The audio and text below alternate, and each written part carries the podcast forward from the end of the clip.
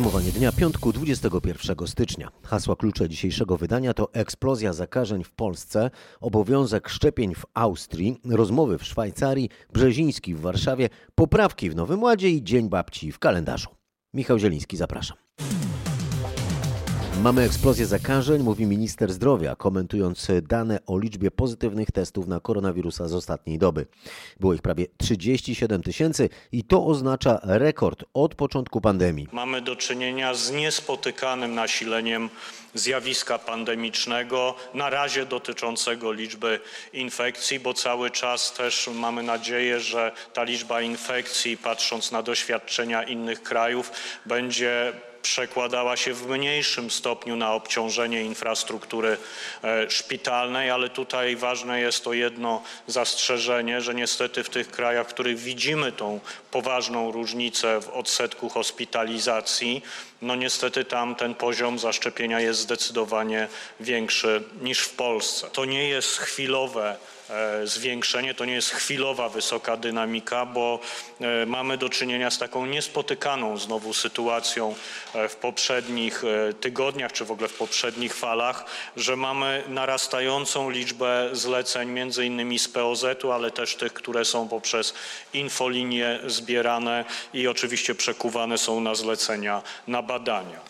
Ta e, eskalacja zakażeń oczywiście też ma wpływ na to, co myślimy o scenariuszach, jakie są przed nami. Te scenariusze wszystkie praktycznie zakładają, że będziemy w najlepszej sytuacji mieli apogeum na poziomie rzędu 60-70 tysięcy, a w najgorszym scenariuszu na poziomie 140 tysięcy zakażeń dziennie i w zależności od tego scenariusza e, to będziemy mieli do czynienia albo z apogeum mniej więcej w połowie lutego, albo z przesuniętym apogeum na koniec lutego czy na tym w tym okresie e, początku marca. Mówił minister zdrowia Adam Niedzielski. Od poniedziałku kwarantanna dla osób po kontakcie z osobą zakażoną będzie skrócona do 7 dni. Od czwartku w aptekach będzie można wykonać darmowy test antygenowy.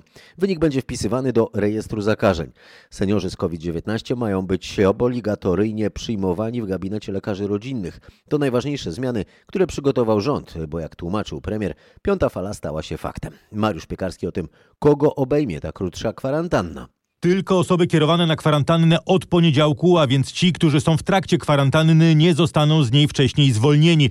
Ten ruch ma nas uchronić przed paraliżem kraju, bo w ciągu tygodnia na kwarantannę trafiło już pół miliona osób, a będzie trafiało coraz więcej. Te zachorowania są krótsze, okres, w którym jest ryzyko zakażenia jest również mniejszy. Tak mówi minister Niedzielski, aby zwiększyć możliwości testowania. Od czwartku będzie można zrobić szybki test antygenowy w aptece, nie od razu w każdej. Musi być być wydzielone pomieszczenie, muszą być zachowane pewne standardy bezpieczeństwa, ale te apteki, które w tej chwili prowadzą szczepienia, a jest ich ponad tysiąc, takie standardy spełniają. Na lekarzy rodzinnych zostanie z kolei nałożony obowiązek osobistego zbadania każdego seniora chorego na COVID. Każda osoba starsza niż 60 lat ma mieć od teraz prawo do wizyty lekarskiej w ciągu 48 godzin. Warszawa, Mariusz Piekarski. Jeśli chodzi o testy w aptekach, to farmaceuci mówią naszym dziennikarzom, że są na to gotowi. Farmaceuta będzie mógł wykonać e, taki test diagnostyczny wtedy, jeżeli ukończy odpowiednie szkolenie. Po odbyciu takiego szkolenia farmaceuci będą e, wykonywali e, testy. A ile może potrwać takie szkolenie? Bo to nam odpowie na pytanie,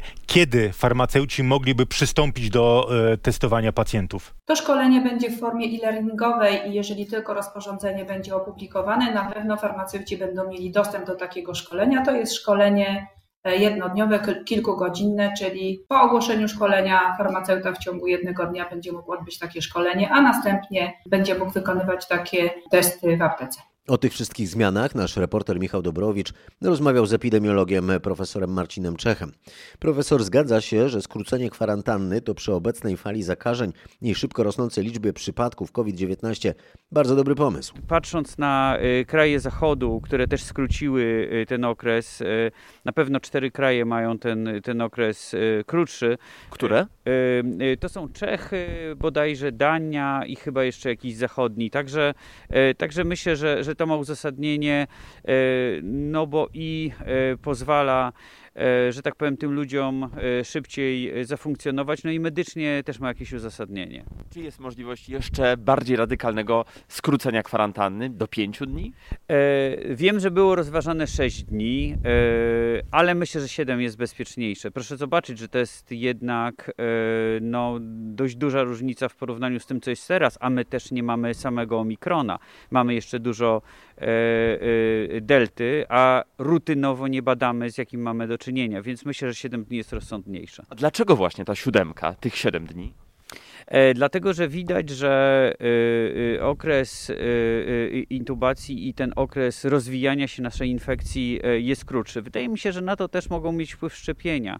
Szybciej nam, pojawiają się objawy? Że nam łatwiej, ta, tak, tak, szybciej, tak, tak, tak, szybciej pojawiają się pierwsze objawy, bo to mówimy o dwóch, trzech dniach, to znaczy my już tak w naszych dociekaniach epidemiologicznych mówimy dwa, trzy dni i jeśli jest taki krótki od kontaktu czas, no to jest prawdopodobnie omikron. Też widzimy różnice różnice w objawach. E, no i po, potem przebieg tej infekcji jest lżejszy e, zwykle. E, mówię zwykle, no bo nie dotyczy to wszystkich.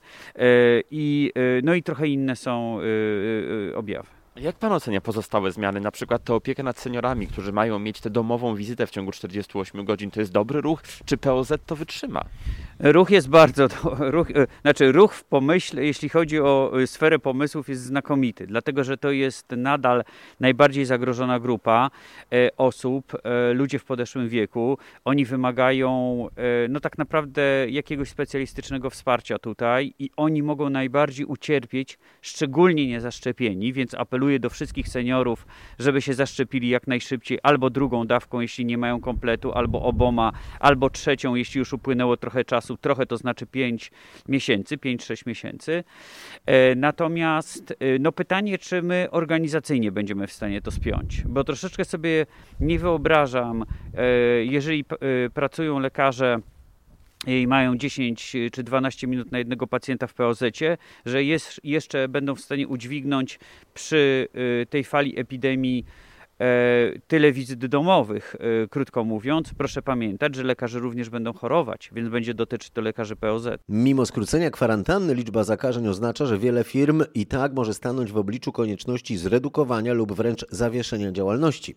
O taką perspektywę Macieja Szkudlarka z Miejskiego Przedsiębiorstwa Komunikacyjnego w Poznaniu pytał nasz reporter Mateusz Chłystun. Co jeśli nagle zachoruje duża grupa pracowników MPK? Jest tak, że mogą wtedy nie wyjechać tramwaje i autobusy na ulice miasta? Myślę, że na ten moment nie ma takiego zagrożenia, jeżeli chodzi o pracowników ruchowych, tak się wyrażę, czyli motorniczych i kierowców. Wiadomo, że mogą wystąpić jakieś drobne perturbacje, ale na chwilę obecną takiej sytuacji nie mieliśmy. Jak się Państwo zabezpieczacie przed taką sytuacją? Mam tutaj na myśli oczywiście zachorowania na COVID-19, kwarantanny pracowników, żeby zachować ciągłość grafiku?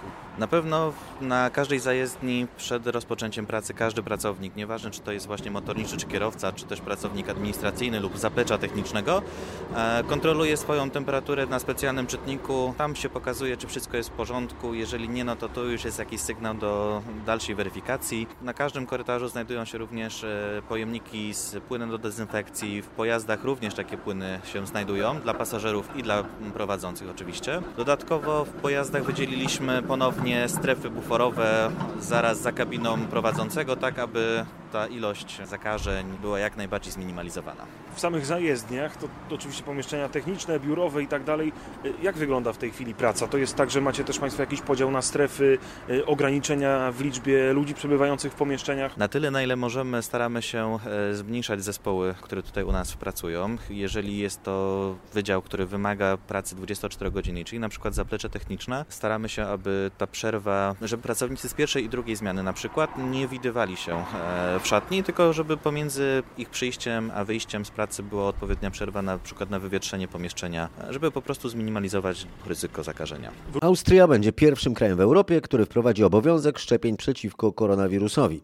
Taki obowiązek ma wejść w życie od początku lutego. Jak to ma wyglądać? O tym Aneta Łuczkowska. Od lutego przeciwko COVID-19 będą musieli zaszczepić się wszyscy Austriacy, którzy ukończyli 18 rok życia. Jest kilka wyjątków. To kobiety w ciąży, osoby, które mają medyczne przeciwwskazania lub mm, u których nie upłynęło jeszcze pół roku, odkąd przeszły zakażenie koronawirusem. Wszyscy inni, jeśli do połowy marca się nie zaszczepią, zapłacą karę i to niemałą. Może ona sięgnąć do 3600 euro. A co z tymi, którzy pojadą do Austrii na narty? Też będą musieli się tam zaszczepić? Nie, na miejscu w Austrii turyści naturalnie nie będą musieli się szczepić, ale od niedzieli wchodzą w życie nowe, surowsze wymagania dotyczące wjazdu do tego kraju. Przyjezdnych będzie obowiązywała zasada 2G. Oznacza to, żeby pojechać w austriackie Alpy, trzeba będzie być albo zaszczepionym, albo ozdrowieńcem. Od osób po dwóch dawkach i od posiadaczy zaświadczenia o przejściu zakażenia koronawirusem wymagany będzie test PCR. Z obowiązku jego okazania zwalniać będzie dawka przypominająca. Testować się przed wjazdem do Austrii nie będą musieli też ci turyści, którzy najpierw przechorowali COVID-19, a następnie jeszcze zaszczepili się dwiema dawkami. Te restrykcje nie będą dotyczyły dzieci, a jeśli ktoś nie jest zaszczepiony i pojedzie do Austrii, zostanie skierowany na 10-dniową kwarantannę. Słuchacie podsumowania dnia 21 stycznia, piątku. Zostajemy za granicą, ale ruszamy do kraju sąsiadującego z Austrią od zachodu. Tam w Genewie odbyły się rozmowy szefów dyplomacji Stanów Zjednoczonych i Rosji. Tematem Ukraina, a szerzej wpływy w całej naszej części Europy. Po tych rozmowach szef rosyjskiej dyplomacji Siergiej Ławrow oświadczył, że Rosja nie planuje ataku na Ukrainę. Z kolei Antony Blinken, szef dyplomacji Stanów Zjednoczonych, mówił, że celem tych rozmów było ustalenie, czy Rosja jest gotowa pójść drogą dyplomacji. Dodał, że to nie były negocjacje, lecz szczera wymiana poglądów. Według Antoniego Blinkena nagromadzenie rosyjskich wojsk wokół Ukrainy daje możliwość ataku z południa, wschodu i północy. Czy to spotkanie przybliżyło przełom? O tym nasz korespondent e, w Stanach Zjednoczonych Paweł Żuchowski. Dzień dobry, witam. No nie, niestety przełomu nie ma, strony pozostają przy swoim, ale jak powiedział Antony Blinken, e, sekretarz stanu USA, czyli szef amerykańskiej dyplomacji, planowane są kolejne spotkania. E, no, najbliższe prawdopodobnie odbędzie się na początku lutego. Politycy zgodzili się, że ważne jest, by był kontynuowany proces dyplomatyczny. Wiadomo też, że w przyszłym tygodniu Stany Zjednoczone przedstawią Rosji propozycję propozycje na piśmie w sprawie rozwiązania konfliktu. Blinken zapewnił o pełnym wsparciu dla Ukrainy, podkreślił, że USA angażują się w proces dyplomatyczny, ale i e, odstraszania. Rosja chce przede wszystkim gwarancji nierozszerzania NATO na wschód. Tutaj stanowisko Białego Domu jest jasne, że to Ukraina ma prawo decydować o tym, e, z kim e, będzie zawierać sojusze, teraz czy w przyszłości. I tutaj Biały Dom twierdzi, że nie będzie ustępstw w tej sprawie, bo Ukraina jest wolnym krajem z możliwością samostanowienia, w związku z czym e, to właśnie Ukraińcy powinni decydować, z kim chcą być blisko. Dodam jeszcze, że prezydent Joe Biden wczoraj wyjaśniając wcześniejszą krytykowaną wypowiedź o tym, że sankcje zależałyby od skali rosyjskiej agresji, poprawił się, oznajmiając, że jednak bez względu na rozmiary tej agresji sankcje będą. A w poniedziałek podczas spotkania szefów dyplomacji krajów Unii Europejskiej odbyć się ma wideo połączenie z amerykańskim sekretarzem stanu. Unijni ministrowie po raz kolejny stwierdzą, że jakakolwiek dalsza agresja militarna przeciwko Ukrainie będzie miała ogromne konsekwencje i poważne koszty dla Rosji. Nasza dziennikarka w Brukseli, Katarzyna Szymańska-Borginą, wyjaśni, czy wiadomo już coś konkretnego, jakie to miałyby być sankcje i kiedy. Na razie, jak powiedział mi wysoki rangą dyplomata Unii, pakiet sankcji jest tajny. Restrykcje omawiane są z poszczególnymi krajami. Gotowego pakietu nie ma jeszcze na unijnym stole. Unia boi się przecieków, a ponadto wewnętrznej kłótni, która mogłaby uwidocznić różnice. Jeden z moich rozmówców powiedział wprost, że sankcje wobec Rosji to będą także sankcje wobec unijnych firm. Do ich osłabienia mogą więc dążyć na przykład tradycyjnie prorosyjskie Włochy i Węgry. Premier Viktor Orban ma 1 lutego odwiedzić Moskwę. Zdaniem moich rozmówców poziom unijnych sankcji będzie także zależał od poziomu rosyjskiej agresji, jak przekazał wysoki rangą dyplomata Unii. Unijni ministrowie spraw zagranicznych w poniedziałek nie będą nawet dyskutować o konkretnych sankcjach wobec Rosji. Dyskusja będzie dotyczyć sytuacji bezpieczeństwa w Europie. Dyskutowana ma być rosyjska oferta traktatu z USA i NATO oraz kwestia koordynacji ze Stanami Zjednoczonymi. O sprawę ukraińską nasz dziennikarz Bogdan Zalewski pytał e, dzisiaj generała Waldemara Skrzypczaka.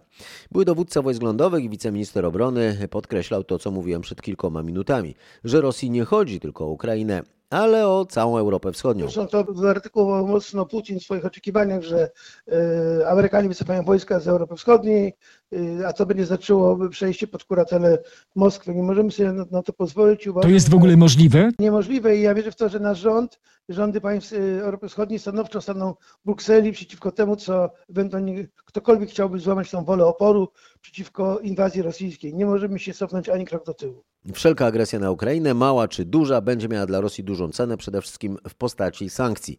Powiedział e, w ślad za amerykańskim prezydentem szef prezydenckiego Biura Polityki Międzynarodowej Jakub Kumoch. Przed południem w Wiśle zakończyły się dziś konsultacje prezydentów Polski i Ukrainy Andrzeja Dudy i Wołodymyra Zełańskiego. Chcemy, aby, pomimo, że oczywiście Polska jest w NATO, Ukraina w NATO nie jest, no to y, nasze bez, interesy bezpieczeństwa są bardzo ze sobą powiązane. To porównywane niekiedy jest to do, do takich stosunków, jakie istnieją między choćby Turcją i Azerbejdżanem. Też sojusznik z NATO i z drugiej strony kraj, z którym jest y, Turcja jest bardzo mocno y, powiązana. No to oczywiście z racji rozmiarów naszych krajów y, są one o wiele bardziej, bardziej do siebie zbliżone.